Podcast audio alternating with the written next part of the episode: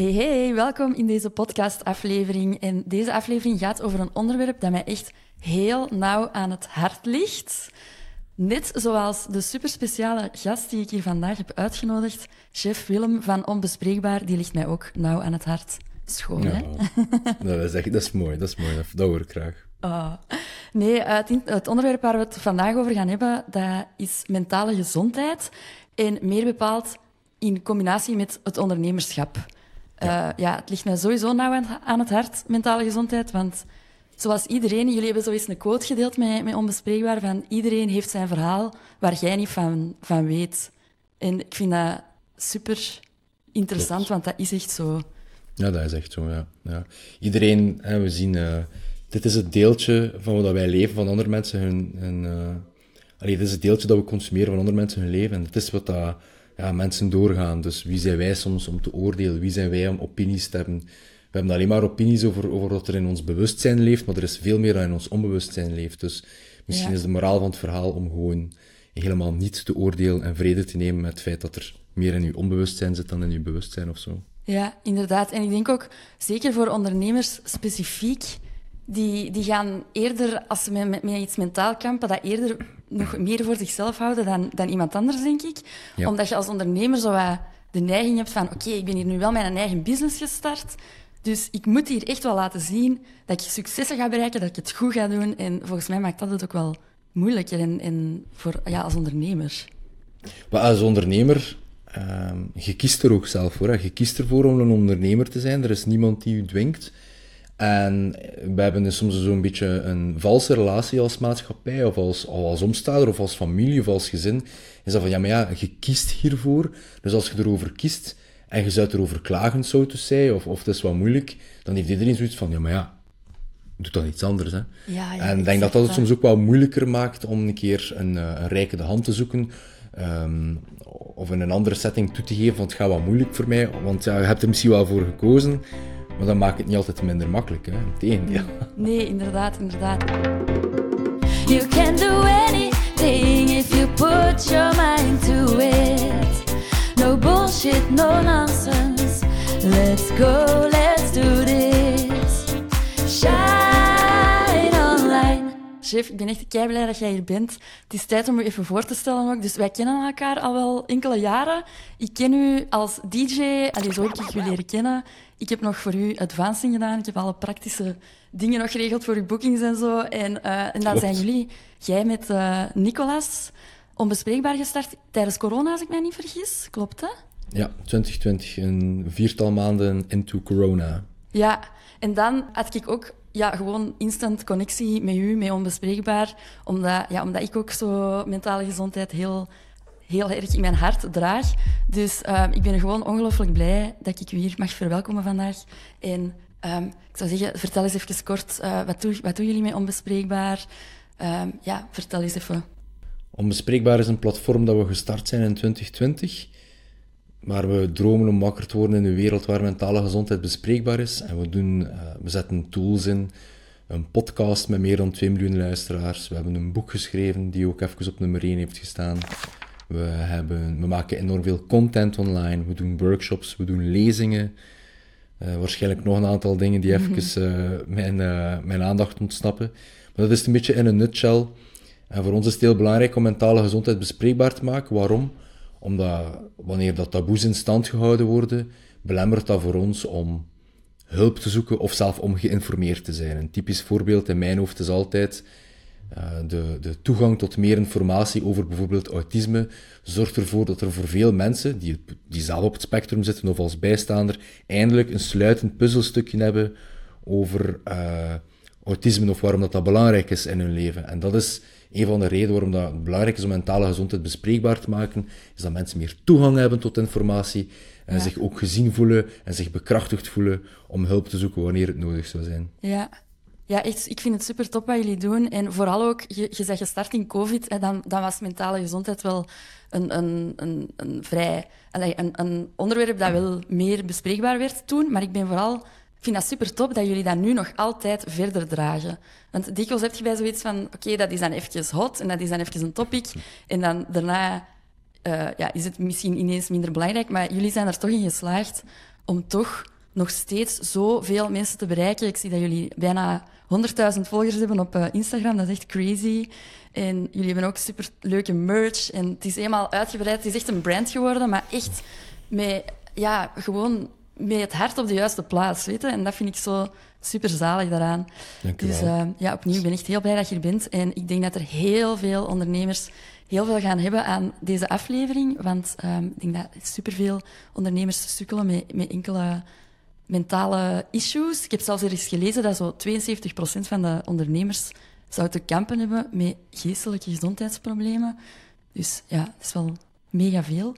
Dat is veel. Hè? Dat is afhankelijk van, uh, van uw steekproef natuurlijk, het percentage. En ook hoe dat we geestelijke gezondheidsproblemen omschrijven, hè, natuurlijk. Ja, ik heb um, op voorhand op mijn socials een keer een beetje kleine bevraging gedaan. Van, okay. voor mijn, met mijn doelgroep. Van oké, okay, met welke mentale issues kampen jullie zo soms als ondernemer? En er is wel wat respons op gekomen. Ik ben heel blij dat mensen toch meer en meer durven daar open over te zijn. Ja, Super tof.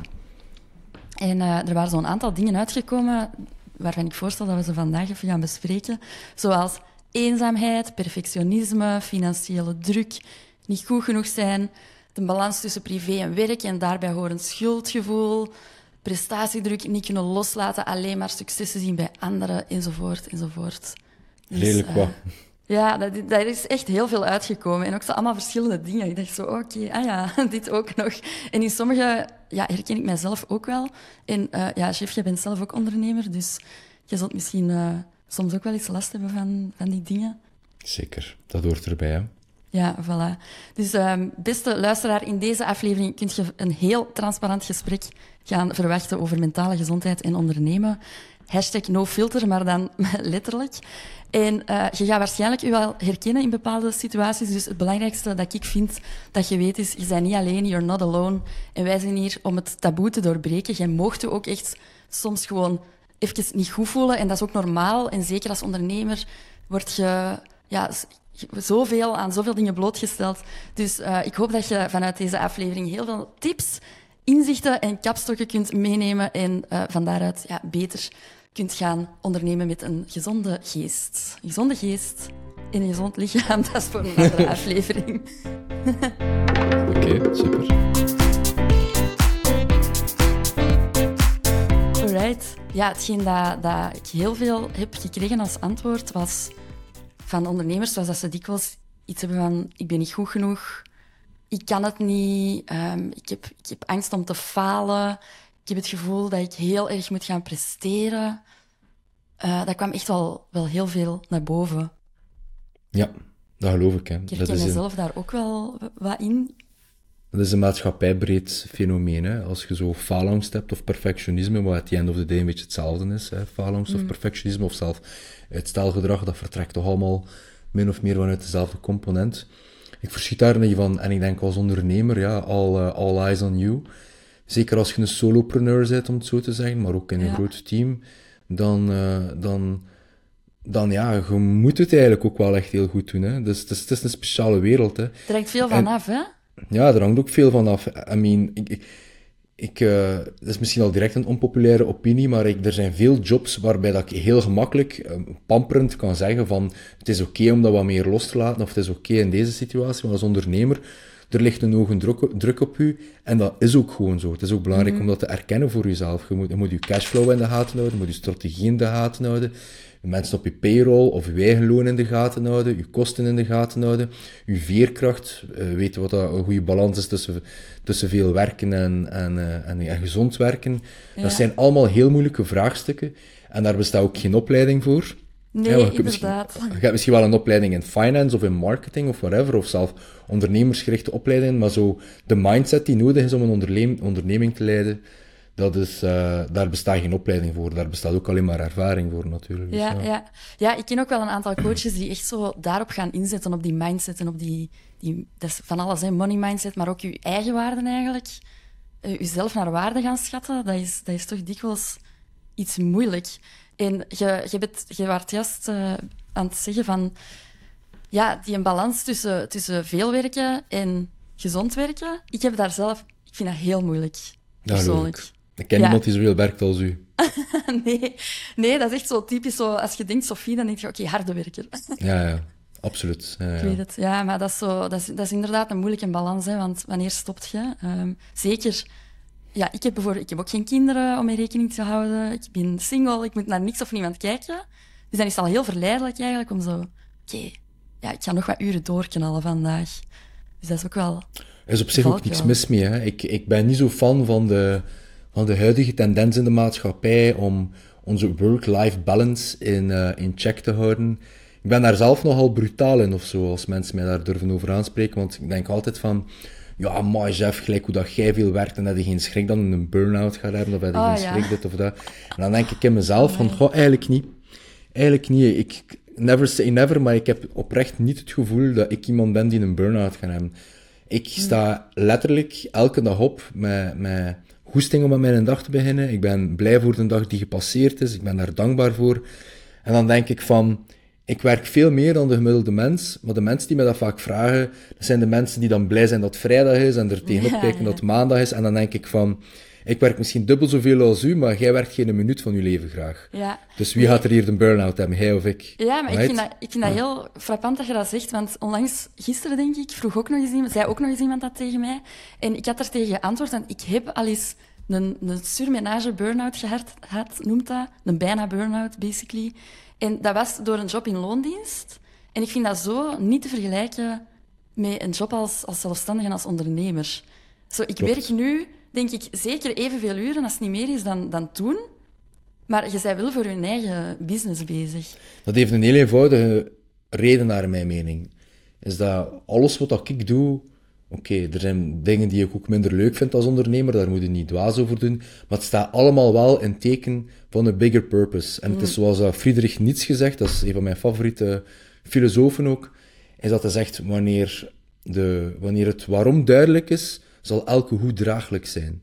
Ja. Dat is het fenomeen zoals, dat we, zoals dat we beschrijven in de filosofie.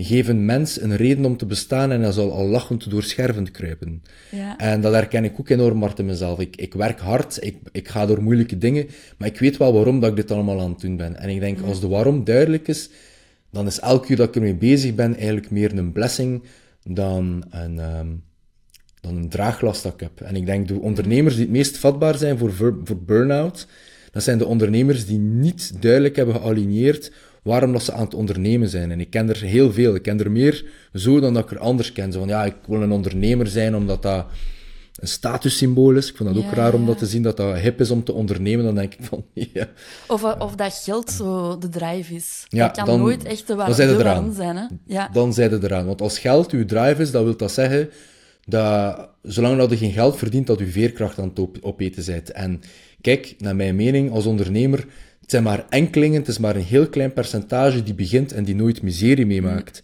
En miserie meemaken, dat is de bakermat van ondernemerschap. Dat is, dat is waarom dat niet iedereen een ondernemer wil zijn, omdat niet iedereen zin heeft om die miserie mee te maken. En die miserie, dat kan lastige klanten zijn, maar dat kan ook een lastige cashflow zijn.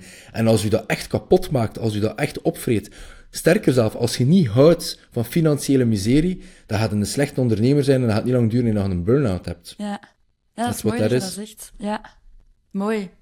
Klopt, helemaal. Allee, ik, ben daar, ik ga daar helemaal mee akkoord, eh, in ieder geval. Het is wel zo, want als we gaan praten over, over heel veel werken voor uw zaak, en dat heb ik hier ook binnengekregen van een aantal mensen, is ehm, dat er een, een schuldgevoel gaat komen. Zeker, bij mij is dat minder, omdat ik, omdat ik dus single ben, ik heb geen kinderen, ik heb zo alleen, ik heb wel mijn familie en vrienden.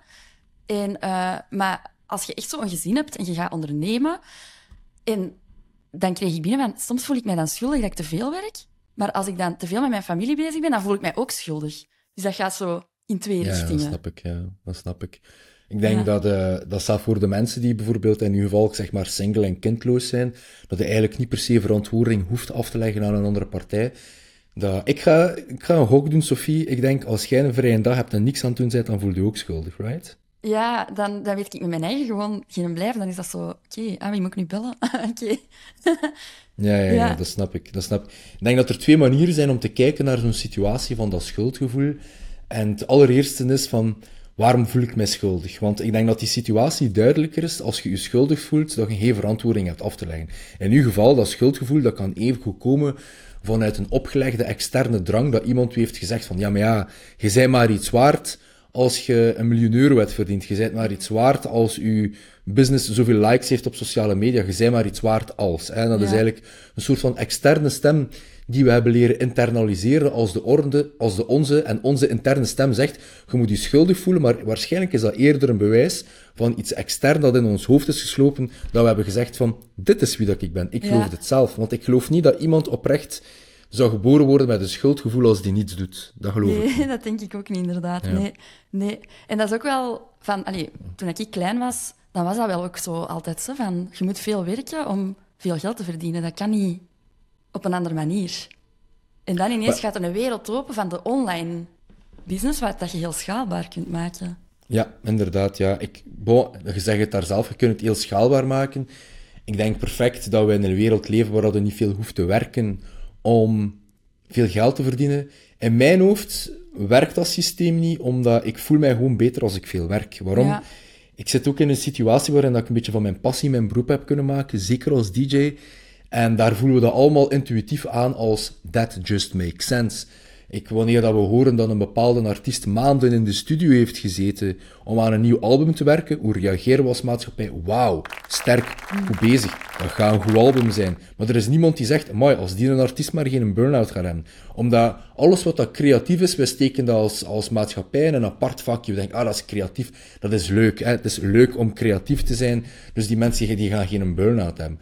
Maar voor mij, wat dat ik doe, alle dagen mijn numbers crunchen van, van, van het bedrijf, nieuwe marketingstrategieën schrijven, gesprekken doen zoals dit met u, dat voedt mij zo ongelooflijk hard, dat dat voor mij niet aanvoelt als werken. Dat voelt voor mij als ik heb van mijn passie mijn werk kunnen maken, maar andere mensen zien dat als werken. Dus zij projecteren waarschijnlijk een interne mechanismen op mij van, amai, moest ik in uw plaats zijn, dan zou ik binnenkort een burn-out hebben. Maar jij staat op de payroll. Uw, uw drijfredenen om dingen te doen in uw leven zijn helemaal anders dan de mijne. Dus je, je kunt die werelden niet vergelijken. Want net zoals jou, heb ik ook op de payroll gestaan en ik werd daar gek van. Ja, ik snap dat. Ik werd daar ook gek van. ja, dat is, eh, dat is crazy. En ehm, ja, wat je ook natuurlijk hebt, als je... allee, dat idee dat je zo hebt van, als ik, als ik niet genoeg werk, dan ga ik mijn rekeningen niet kunnen betalen. Dat is zo die financiële druk dat je hebt als ondernemer nog extra, want je hebt geen vast loon. Hè, of Klopt. In het begin heb je sowieso geen vast loon. Dus dat geeft ook wel heel veel druk. En daardoor gaat je automatisch zo'n knop omdraaien en denk je, ja, ik moet nu veel werken, zodat ik zeker mijn rekeningen kan betalen. Ja. Als ik daar een, eh, een, eh, een toelichting mag op geven. Ik, eh, mijn eigen vriendin zit al... Ja, zij, zij is iets jonger en zij werkt wel op een payroll en dat werkt voor haar zeer goed. En ik ben zeer blij dat dat voor haar werkt. Voor mij, het valt altijd op als zij spreekt over werkgerelateerde issues, is dat we allemaal issues ervaren. Allemaal. Ja, Het ding is, is dat je volgens mij gewoon kunt kiezen welke suffering dat je tot u brengt. We kunnen niet zeggen van, ah, ik wil ondernemer zijn, want ik wil nooit eh, afzien. Nee, dan zijt u jezelf aan het saboteren volgens mij. En ik denk dat het een groot essentieel verschil is. Ik denk niet dat mijn vriendin op een bepaalde zin, of mensen op de payroll, vaak inzitten met financiële stress. En die financiële stress gaan ze misschien wel ervaren wanneer hun loon niet genoeg is om aan hun basisbehoeften te voldoen.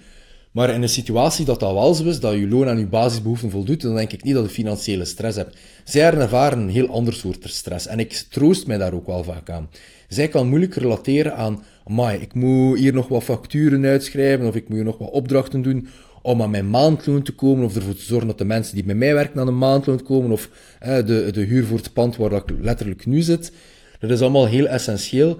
En dat is miserie die ik heb. Maar in ruil daarvoor krijg ik vrijheid. Maar vrijheid komt met een prijs. Vrijheid leeft niet in een vacuüm. En het omgekeerde zie ik bij mijn vriendin of bij andere mensen op een payroll zitten. Zij hebben die stress niet, maar zij hebben wel ander soort stress.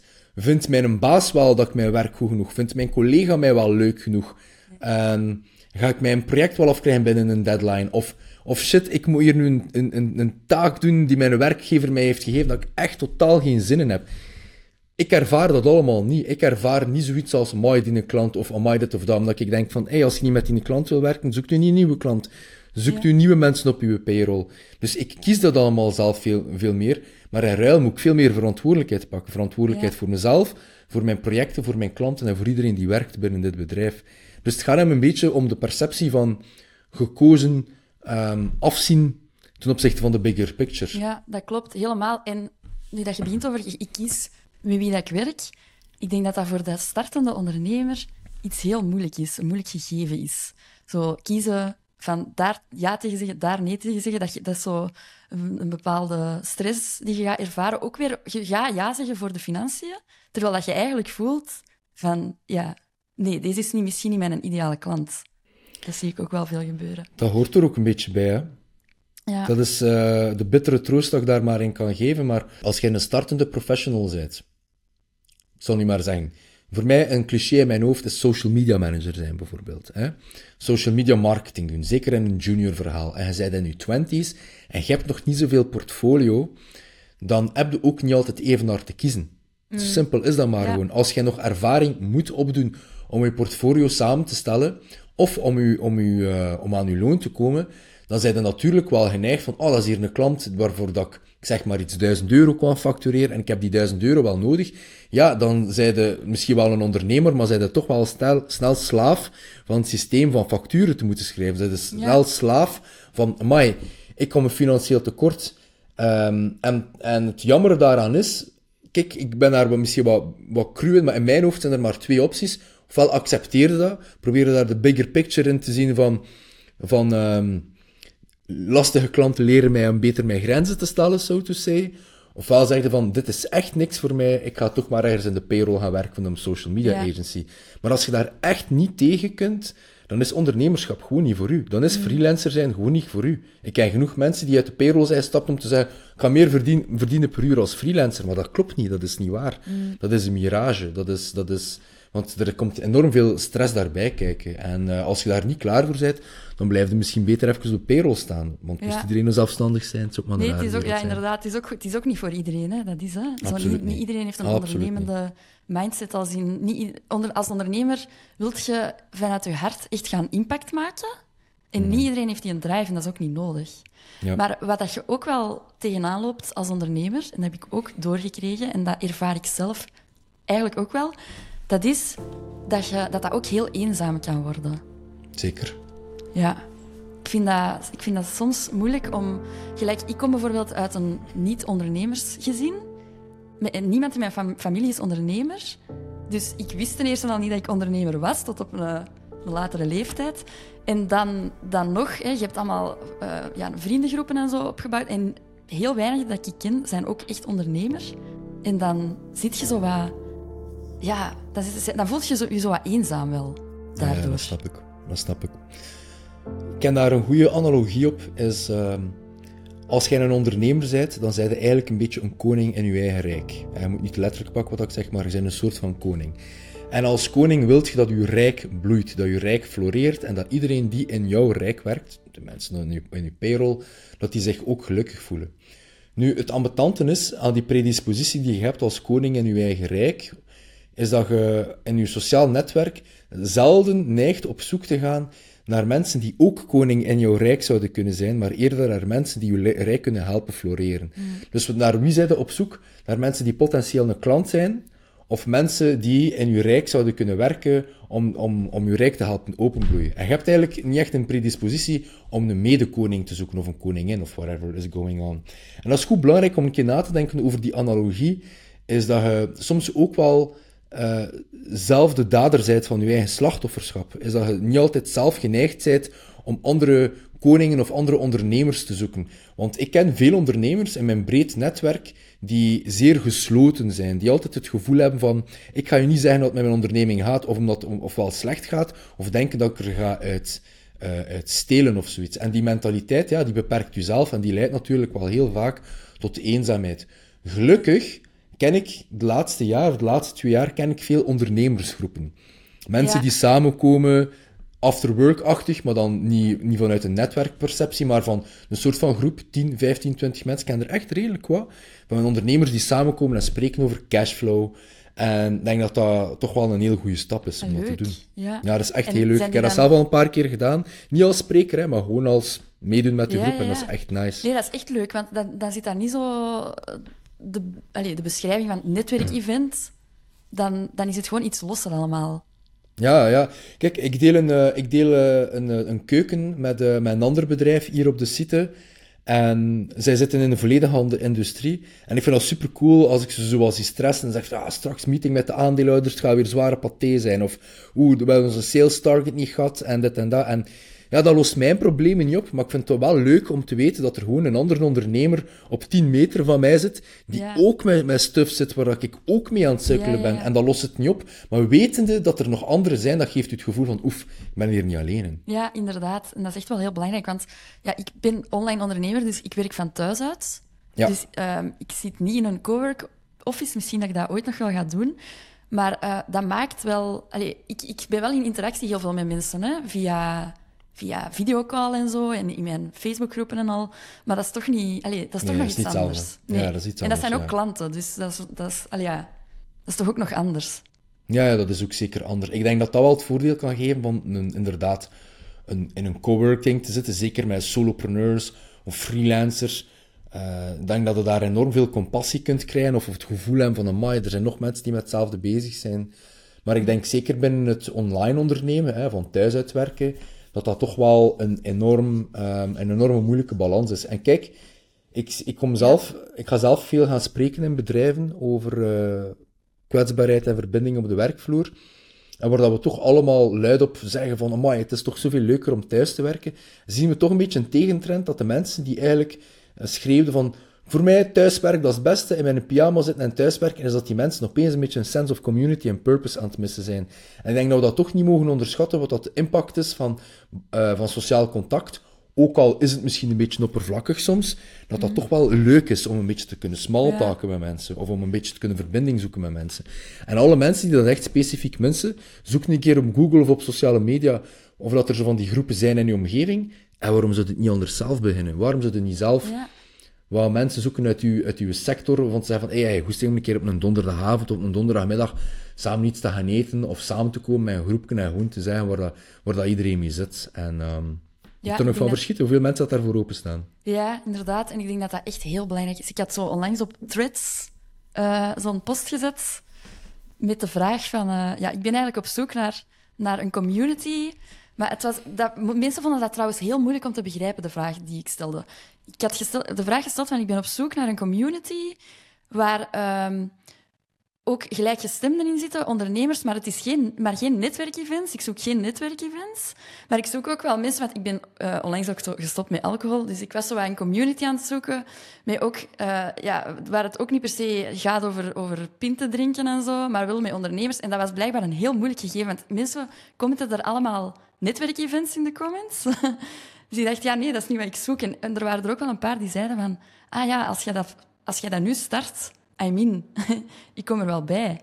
En eh, voor mij is dat echt een uitdaging om, om niet te blijven, allee, om niet in die bubbel van, van mijn online, allee, van, mijn, van mijn home office te blijven hangen en echt wel ja, naar buiten te gaan en die verbinding aan te gaan. Moest ik niet, eh, moest ik niet al mijn gaande projecten hebben, want ik zit met enorm veel deadlines momenteel, dan zou ik de persoon zijn die dat opstart. Ja, ja dus of dat jij het nu bent of, of een potentiële luisteraar, dat, eh, ik denk dat daar enorm veel in te doen is. Nu, pas op, ik, eh, ik, ik, zit, ik ga u die namen niet noemen, ik wil het u wel privé zeggen straks, maar eh, ik ken wel echt een paar groepen die dat doen, zo ondernemers die zo samenkomen, hier in de Ja. buurt ook zelf, en dan zo campfire-achtig, zo wat marshmallows zitten roosten, en ondertussen, eh, waar dat er ook een zeer strikte regel is van, als je komt om te netwerken, smijt u buiten. Ja, ja, ja, ja. ja. Want op zo'n evenementen is het natuurlijk heel snel van, mm, eh, de kwetsbare ondernemer, ik ga daar mijn shit komen verkopen. Dat hoort erbij. Die mensen gaan altijd mensen zijn die dat gaan willen doen. Maar ik ben er ook zeer van overtuigd van... ehm, ik had een jaar geleden dat ik dat met VOCA ook een keer gedaan. Dus eh, zo'n soort van groep met tien mensen, waarin dat iedereen zo sprak over bepaalde issues die zij ervaren binnen ondernemerschap. Ja. En dat is echt cool. Je gaat daar echt met zo'n gevoel buiten van, oh my, ik ben niet de enige die, die straks nog zijn boekhouding moet doen, of, of hopen dat de facturen worden betaald, of liquiditeitsissues heeft. Ja, voilà, dat is het. Daar wilde echt wel ook over kunnen babbelen met, met mensen. En ehm, ja, ik denk ook wel dat het belangrijk is dat je daarnaast ook nog wel ja, je andere vrienden hebt, dat het niet altijd daarover gaat. Maar Zeker. ik denk ook dat het belangrijk is dat je inderdaad wel een groep vindt waar dat je ook daarover kunt praten. Want ik heb deze week, of uh, de afgelopen maand, denk ik twee ondernemers die terug in loondienst zijn gegaan, omdat ze zich eenzaam voelden als ondernemer. En dan denk ik, en twee echt goeie, hè. En dan denk ik, ah, dat vind ik zo jammer dan, dat je dan, ja, je dan terug naar loondienst gaat, daarom alleen maar? Ja, eenzaamheid is, een, is iets heel speciaals. Hè. Ik ben altijd geneigd om te zeggen, als je niet, uh, als je, niet uh, je verbonden kunt voelen met je eigen gezelschap, dat je iemand anders dat ook niet kunt doen. Nou ja. Het is misschien een beetje pittig dat ik het zo zeg, maar uh, dat is hetzelfde als in een relatie. Hè. Als je een bepaald tekort hebt binnen jezelf en je zoekt iemand anders om dat op te vullen, dat gaat, dat gaat ook niet lukken. Ja. Nee, mooi. En wat dat ook wel iets, iets heel moeilijk is als ondernemer om toe te geven vooral. En wat ik vind dat eigenlijk wat meer zou moeten gebeuren online. Wij zien allemaal alle grote successen van iedereen. En uh, ik heb zoveel omzet gedraaid. En deze lancering was top. En je leest het allemaal online op social media. En dan doet je zelf ook een lancering. En dan zijn dat helemaal niet de cijfers die je had verwacht. Dat is dik tegengeslagen. En je voelt eigenlijk een beetje een mislukking. Vooral omdat je online alleen maar succesverhalen ziet. En ik heb dit gerealiseerd en ik doe dat en ik doe zus en ik doe zo. En ik merk dat ik dat zelf ook moeilijk vind om zoiets te gaan delen als misschien niet helemaal goed is gelopen. Kijk, um, op dat vlak denk ik niet dat de oproep moet zijn om meer onze kwetsbaarheden te delen op sociale media. Dat kan. Ik zie, ook, ik zie eigenlijk redelijk wat mensen die dat wel doen. Dat zal natuurlijk door mijn algoritme zijn. Door, uh, door die mentale gezondheid. Dan zie ik eigenlijk net heel veel mensen die dat wel doen. Mm. Ik denk persoonlijk, ook daar heb ik misschien een averse mening in ik denk niet dat we de mensheid gaan kunnen veranderen. Wij zijn als mens altijd zo geweest. Ook in de jaren 70 kwamen alleen de beste foto's in het fotoboekje. Het verschil is vandaag de dag is dat de beste foto's op sociale media komen en dat ze kwantificeerbaar zijn met likes. Dat is het grote verschil. Maar wij hebben als mens altijd het beste deel van onszelf, de highlight van onszelf willen delen met andere, met andere mensen. Um, ik ben daar zelf ook schuldig is een groot woord aan, maar ik deel zelf ook niet mijn kommer en kwel op sociale media, omdat ik daar gewoon geen goesting in heb. Niet omdat ik, daar niet mij niet voor, omdat ik me daarvoor schaam, want ik heb in de podcast al heel diepe geheimen over mezelf gedeeld, dus het is, het is niet schaamte, maar soms denk ik van, amai, kijk, een slechte dag, ga ik nu nog een keer, wat moet ik doen? Mijn eigen film en zo al blijtend iets zetten op sociale media. Als ik dat zie, als ik dat zie op sociale media, vind ik dat ook een beetje raar. Ja, Snap je? Je zit dan aan het blijt, oh ik ga snel mijn gsm pakken en mijn eigen even filmen. Ja, dat is inderdaad wel raar. Er is ook een fijne lijn, hè? Dus uh, ja. wat ga ik wel en niet laten zien, natuurlijk. Ja, ik denk persoonlijk is dat, is dat kijk, mensen gaan, gaat altijd de best of, uh, de best of highlights, de best of reels van mensen hun leven zien op sociale media. Dat gaat nooit veranderen. Als je hoopt dat ooit te veranderen, wel best luck of you. Tegen volgende week heb je een burn-out, want dat gaat gewoon niet veranderen. Als je de situatie niet kunt veranderen, dan word je uitgedaagd om jezelf binnen de situatie te veranderen. En dat is wat ook wat we kunnen doen als ondernemer. Als ik andere successen zie en ik heb een gefaald project, dan denk ik vaak van ja, oké, okay, maar we zijn niet onze successen, hè. We zijn niet onze gefaalde momenten, hè. Ik heb ook, ik heb nu een merchandisebedrijf en het ene moment heb je een omzet dat je, dat je denkt van, wow, wow, als dat hier de regel wordt, dan ben ik binnen volgend jaar miljonair, zo te zeggen. Maar andere dagen heb ik een launch en het is minder goed. Ik denk dat we, dat we dat niet altijd zo persoonlijk moeten nemen. Ik denk dat er zoveel factoren spelen in dat proces die kunnen bepalen of dat we, of dat we gefaald zijn of dat we succesvol zijn. En kijk, daar zeg ik het. Je zijt niet je gedachte, je bent de persoon die daarnaar luistert. Je zijt niet je gefaalde momenten, je, dat, je maakt dat gewoon mee. En je gefaalde momenten zijn eigenlijk altijd de groeikansen. Want als iets gefaald is, dan kun je soms gewoon zeggen van oké, waarom is dit gefaald? Wat kan ik hieruit leren? Maar zo jezelf zitten geestelen, uh, thuis van achter je laptop om, en ondertussen op LinkedIn kijken naar zo motivatieporno of husselporno, daar heeft niemand iets aan. Jij zelf hebt daar niets aan, maar die persoon die dat posten eigenlijk ook niet. Dus, nee, nee. I don't know. Nee, inderdaad. Um, ja, weet je, soms is dat even kut als je, als je zelf gefaald bent en je ziet, je ziet iemand anders wel slagen. En dan, oké, okay, en dan, het is gelijk gezegd, hè, um, je leert daaruit, je analyseert van, oké, okay, wat is er hier fout gelopen? En van daaruit groeit je ook als ondernemer. En ik denk dat elke ondernemer ook de hele grote met miljoenen omzetten, dat die allemaal wel uh, eerst twintig keer uh, op hun bakjes zijn gegaan voordat Zeker. ze geslaagd zijn. En, en, en het brengt ook een interessante conversatie op gang. Wat is dat dan succesvol? Ja. Hè? Wat is dat dan gefaald zijn? Ik zag uh, een maand geleden Willy Nasens op The Sky is the Limit en ze zeiden tegen hem, Willy Nasens, hij is toch een bijzonder succesvol man. Hij weet ook wat hij direct zei en ik vond dat very revealing voor iemand die zo oud is, by the way. Hij zei, succesvol. Ja, ik ben wel opgegroeid met een dien en een dien, dat zijn maten van mij. En dienen heeft een bedrijf en dat bedrijf heeft twee keer zoveel omzet als mij. En de dien dat bedrijf heeft tien keer zoveel omzet als mij. Terwijl dat veel mensen een Willy Naasens als een voorbeeld zullen zien, heeft hij eigenlijk een beetje verklapt dat hij misschien zichzelf niet als een voorbeeld ziet en zichzelf niet als succesvol ziet, omdat hij maten heeft die mm. meer omzet hebben dan hem. Op zijn leeftijd. Why would he care? Hij heeft, een, hij heeft zoveel auto's, zoveel huizen, zoveel inkomens, zoveel dit of dat. Je kunt niet zoveel meer steaks eten, met zoveel meer auto's rijden, zoveel meer dit of dat. Dat plafonneert op een bepaald moment. Dus wat is succes en wat is dan ja. gefaald zijn? En ik denk dat we ook daar wel een keer mogen helder leren over nadenken. Hoor? Over zo succes en falen. Inderdaad, misschien is dat wel een mooie oefening ook voor, voor zij die nu aan het luisteren zijn. Want schrijf een keer op voor jezelf, wat betekent dat voor u succes? Dat is ook voor iedereen anders. Hè? En ik vraag mij ook af, gelijk dat je zo dat voorbeeld geeft van Willy Nasus, want wanneer gaat het ook goed genoeg zijn? Wanneer ga jij iets hebben van, oké, nu ben ik genoeg aan het verdienen, Sava, wanneer gaat dat voor u zijn, het is oké nu? Dat is ook iets... Als je die een goalpost niet hebt gemaakt van wat dat genoeg is, dan gaat het ook nooit genoeg zijn. Nee. Dan gaat je een eindeloze een eindeloos pad blijven bewandelen, hè, dat zeer dopamine gerelateerd is, want dopamine is zodanig kortstondig. We bereiken een doel, dat is dus een beetje zoals een berg beklimmen. Hè. We, willen allemaal graag de berg beklimmen, en, en we komen op top van de berg, en het even, wauw, we zijn er, en dat moment duurt exact 15 minuten. En dat is gepasseerd. Ja, dat is echt zo, hè. Dat is echt ongelooflijk, eigenlijk, hè. Want ik, ik, denk, voordat ik begon te ondernemen, dan, had ik, dan zou ik nooit denken aan een lancering van 20.000 euro of zo. Never. Dat, is, dat zijn ook andere bedragen waar je dan mee zit. Hè? En dan de eerste lancering, oké, okay, 10.000 euro. En dan zijn de wow. En dan de volgende lancering heb je, ja, maar nu moet ik 20.000 euro gaan omzetten. Why? Waarom? Ja, dan stelt je zo dat doel en dan heb je iets van... Want dan is die 10.000 euro is ineens niet meer zoveel. Terwijl dat, dat, vorig jaar was dat echt gewoon bijna... Ja, gewoon impossible bijna. En dan heb je dat en dan ineens is dat, oh ja, maar dat is maar 10.000 euro.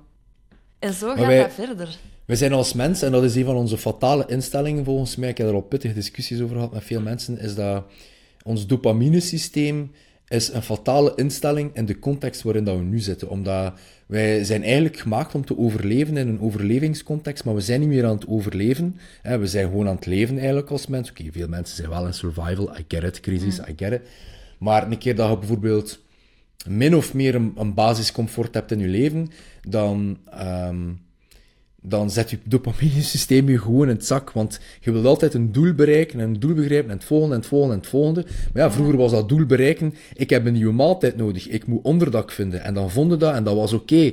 Maar nu hebben we onderdak, nu hebben we die basis aan comfort, dus het moet ook altijd meer zijn. Ja. En als je denkt aan, nogmaals, die een berg beklimmen en je zit op de top van die een berg, moet je er ook wel een keer bij stilstaan. Stel je nu voor dat je dat met een vriendengroep hebt gedaan, of je hebt dat met twee gedaan.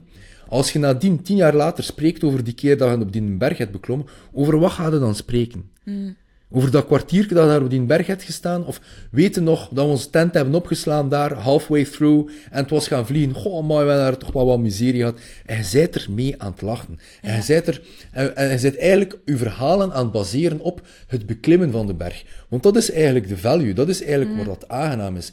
En als je succes kunt definiëren als plezier halen uit het beklimmen van de berg, dan, dan is uw, uw destination eindeloos. Hetzelfde ja. hebben we met fitness. Daar hadden mijn comparison direct begrijpen. Ik zie zoveel new guys in de gym die zeggen: Ik zou zoveel willen benchpressen, 100 kilo willen benchpressen, 200 kilo willen squatten, uh, zoveel kilometer willen lopen, whatever. En dat is niet slecht om dat ergens in je achterhoofd te hebben als een goal, want goals motiveren ons op een bepaalde zin ook wel. Maar wil dat dan ook zeggen, zolang dat je niet 100 kilo benchpresst, dat je ongelukkig gaat zijn? Mm, ja. Waarschijnlijk wel. Met, met, die, met die mentaliteit wil dat zeggen dat je waarschijnlijk ongelukkig gaat zijn voordat je die 100 kilo benchpress hebt. Maar nu komt het. Er komt een dag dat je die 100 kilo benchpress gaat hebben. Een kwartier gaat denken, hell yeah, ik heb mijn PR, kan een reel zetten op Instagram. En het volgende dat je gaat denken is, en nu 110 kilo. Ja, ja dat is zo. Je hebt een blessure nog voordat je die aan die 110 kilo hebt. Hè. Er is een hiccup along the way. Je kunt die 110 kilo nu hebben en je voelt je ongelukkig. Terwijl je eigenlijk 100 kilo hebt kunnen benchen, mm. zit je ongelukkiger dan toen wanneer je begonnen bent aan een gym, want je hebt een blessure en je kunt niet meer aan je goal komen. Ja. Je hebt jezelf gesaboteerd om gelukkig te zijn. Met ondernemen, dat is juist hetzelfde. Ja. Ja, een goal zetten, ik denk ook wel dat dat interessant kan zijn, maar dat is ook niet... als je dat niet haalt, ik denk dat je, voordat je een goal gaat zetten, moet je gewoon bedenken vooral van, van alles wat je ondertussen gaat bereiken. En dat is gewoon mooi en dat is waar het om draait. En niet de goal op zich. Ik geloof meer, in, uh, meer in richtingen dan in goals. Ja. Ik heb natuurlijk ook de chance dat ik geen beursgenoteerd bedrijf heb of een aandeelhouders die zeggen van ja, maar dat moet nu KPI's zijn. Want dat is wat we leren op school. Hè. De KPI's, hè, de Key Performance Indicators. Van ja, 5% meer omzet of, of 10% meer dit of, of, of whatever. Maar um, dat is niet waar dat wij als mens gelukkig van worden. Dat is ook niet waar dat teams gelukkig van worden. En ik snap, financieel succes is wel aangenaam, maar zo Oké, we zijn dit, dit jaar zoveel procent in omzet gegroeid, of we hebben zoveel procent minder klachten of returns op een webshop. Dat is een richting die juist zit, waar dat je ook trots op mag zijn, eerder dan dat dat een specifiek percentage is. Ja. Nee, daar ga ik, uh, daar ga ik helemaal mee akkoord. Right, uh, chef, je bent super, super, super bedankt uh, dat je bent langsgekomen. Ik vond het een hele leuke chat. Ik denk dat de luisteraars er heel veel aan gaan hebben. Want we hebben hier wel even een aantal issues besproken, een paar issues getackeld waar heel veel ondernemers mee struggelen. Dus ik ben mega blij dat wij er ook zo open over hebben kunnen communiceren. En um, ik denk dat ja, vooral basically de grote les is uh, van deze chat. Van ja, praat erover als je met iets zit. Weet ook dat je niet alleen bent.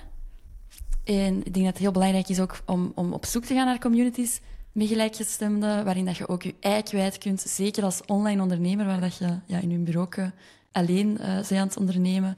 En van ook echt offline toch ja, contacten te gaan aangaan. En bekijk ook een keer voor jezelf, als je bent aan het luisteren, van wat is voor mij succes? En wanneer is het voor mij eigenlijk goed genoeg? Wanneer is voor mij mijn ondernemersreis geslaagd? En dat is belangrijker dan die een omzet eh, behalen en dat omzetdoel gaan behalen. Ik weet niet, heb jij daar nog Mag ik u een laatste, een laatste reflectie geven? Zeker. Een jaar geleden, nog niet zo lang geleden dus, hè, iets, pak een jaar en twee maanden geleden, ging het even helemaal niet goed met het bedrijf. Het was een rare overgang, mocht terug gaan draaien en ik verdien veel met draaien. Ik heb lang mijn advancing gedaan.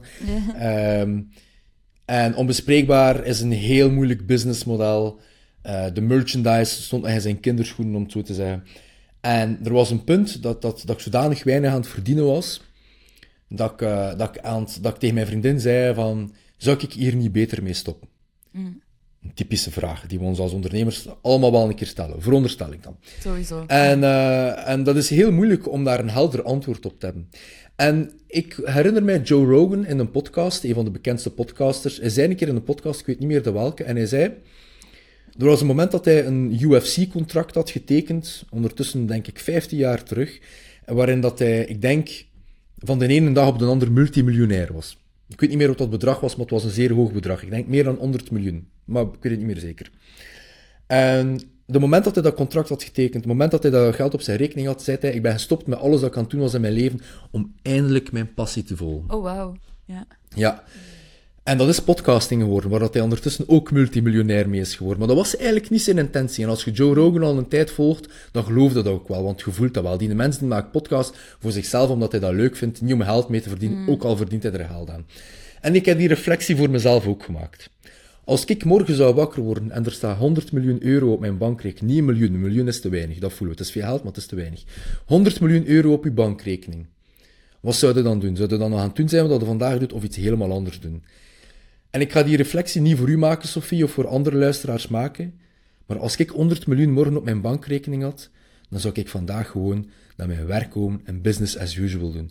Ik zou veel meer outsourcen. Ik zou experts en consultants inhuren. Ik zou mijn infrastructuur veel beter maken, dat wel. Maar de structuur, de basis zou hetzelfde zijn. Ik zou nog altijd een DJ willen zijn. Ik zou nog altijd onbespreekbaar willen doen. En ik zou nog altijd mijn merchandise willen doen. Want ik kap nog liever mijn been af dan dat ik iets anders zou willen doen met mijn leven. En dat was voor mij het beste bewijs dat ik op het juiste pad zat. Mm. Is dat mijn merchandise business niet een means to an end was om miljonair te worden, maar dat het die end op zich was. Ik doe dit echt super graag. En dan weet ik van, oké, ik doe dit echt graag. Ik moet gewoon de variabelen aanpassen, zodat ik er mijn geld kan aan verdienen.